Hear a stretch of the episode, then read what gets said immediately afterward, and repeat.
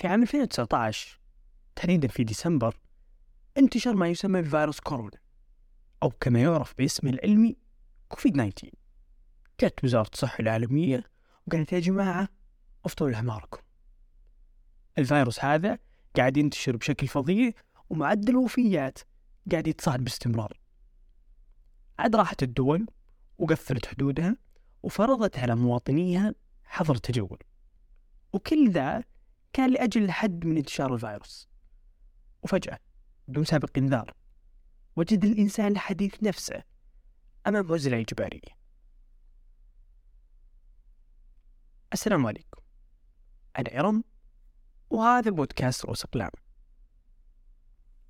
في السنوات الأخيرة كان الإنسان ينظر للعزلة على أنها شيء مو كويس وأن اللي يعتزل بالتأكيد يعاني من اضطرابات اجتماعية.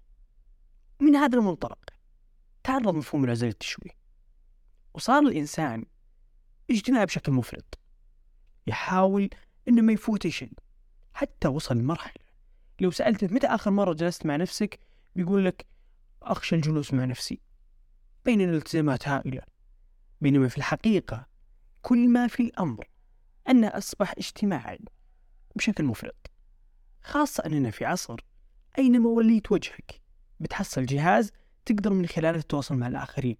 أي غرض بسيط بتحصل فيه وسيلة تواصل يعني الساعة مثلا. وش الغرض منها؟ تعرف الوقت صح؟ لا وين؟ صار فيها كل شيء الحين. ومن ضمن هذه الأشياء تقدر تكون متواصل مع الأشخاص من خلالها. يعني حتى الساعة أصبحت تقدم لك وسيلة للتواصل. بجانب معرفة الوقت. وبكذا صرنا نتواصل مع بعض. 24 ساعة. حتى الواحد منا أصبح ما يقدر يأكل لحاله أو إنه ما يجلس دقائق معدودة وهو صامت. تركب السيارة تروح تدور أغنية تسمعها. تروح الحمام تاخذ جوالك معك للتسلية. تجلس في غرفتك لوحدك تدور أحد تتصل عليه وعلى هالمنوال تتوسع الفجوة اللي بينك وبين نفسك حتى تصبح لا تطيق الجلوس لوحدك. ولما جت كورونا أصبح الإنسان مجبر على الاعتزال. عشان صحته الجسدية؟ وصار من كونه ذاك الكائن الحر الطليق اللي يقدر يروح لكل مكان إلى الكائن حبس الأربع جدران. وهكذا دون سابق إنذار وجد الإنسان الحديث نفسه أمام عزلة إجبارية. عزلة لا يملك أمامها أي خيار. كل ذا عشان صحته وصحة المجتمع اللي هو فيه. وفي هذه العزلة التي خاضها الإنسان أدرك فيها معنى الحرية وأدرك أيضا حجم تقصيره مع نفسه لعدم جلوسه معه لأنه كان مفرط في مخالطته للآخرين حتى نسي كيف كان يتعامل مع نفسه. ولما نجي نتحدث عن العزلة خاصة في هذا العصر نجد أن أول ما يتبادر لأذهان الناس عن المعتزل أنه خايف ولا موسوس. أو عنده اضطرابات أو عنده مشاكل في التواصل مع الآخرين أو أنه هارب من الواقع. وهذا ترى ممكن صح. إذا أنت تبغى تشوف هذا الشيء ترى ممكن صح. بس ترى في الأصل العزلة ملجأ. ملجأ تستريح فيه وتاخذ نفس. خيار رائع تلجأ له لتنتج. وعامل مساعد تنظم فيه حياتك. ومكان مناسب تخطط فيه لمستقبلك. هل أنت آلة عشان ما تستريح وتاخذ نفس؟ هل أنت قادر على أن تفكر في قلب هذه المشتتات؟ هل أنت قادر أنك تنظم حياتك في ظل وجود كل هذه الضغوطات النفسية والهموم المتراكمة؟ الكاتب العظيم محمد قوي كان يقول ابتعادنا عن البشر لا يعني كرها أو تغييرا العزلة وطن للأرواح المتعبة عشان كذا أقول لك خذ نفس.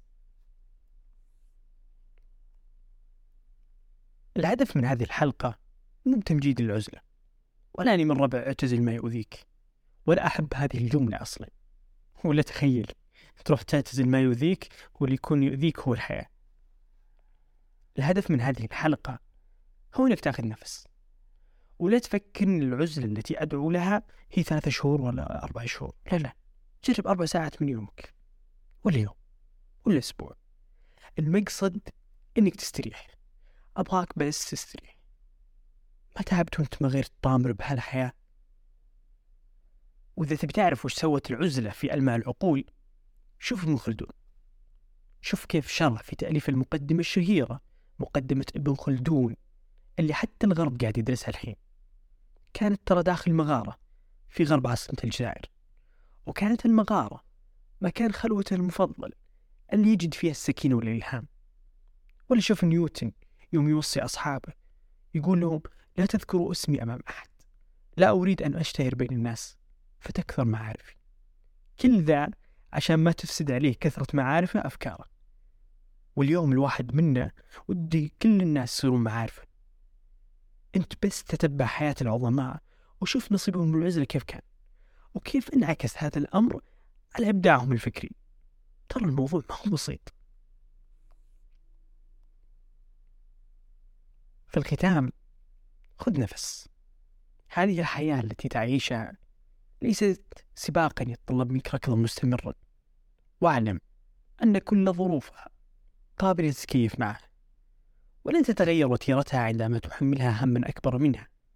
خذ خطوة للوراء وتنفس. ولا تكن كالذي عاد من المعارك وهو ليس يدري. على ما أضاع عمره في النزال في حال حازت الحلقة لإعجابكم شاركوها مع أصدقائكم. وأتمنى تقيمون البودكاست لأن هالشي بيفيدنا. كان معكم إرم المعذرة الإطالة شكرا لحسن الاستماع. وداعا يلا نروح نتسل ما يبينا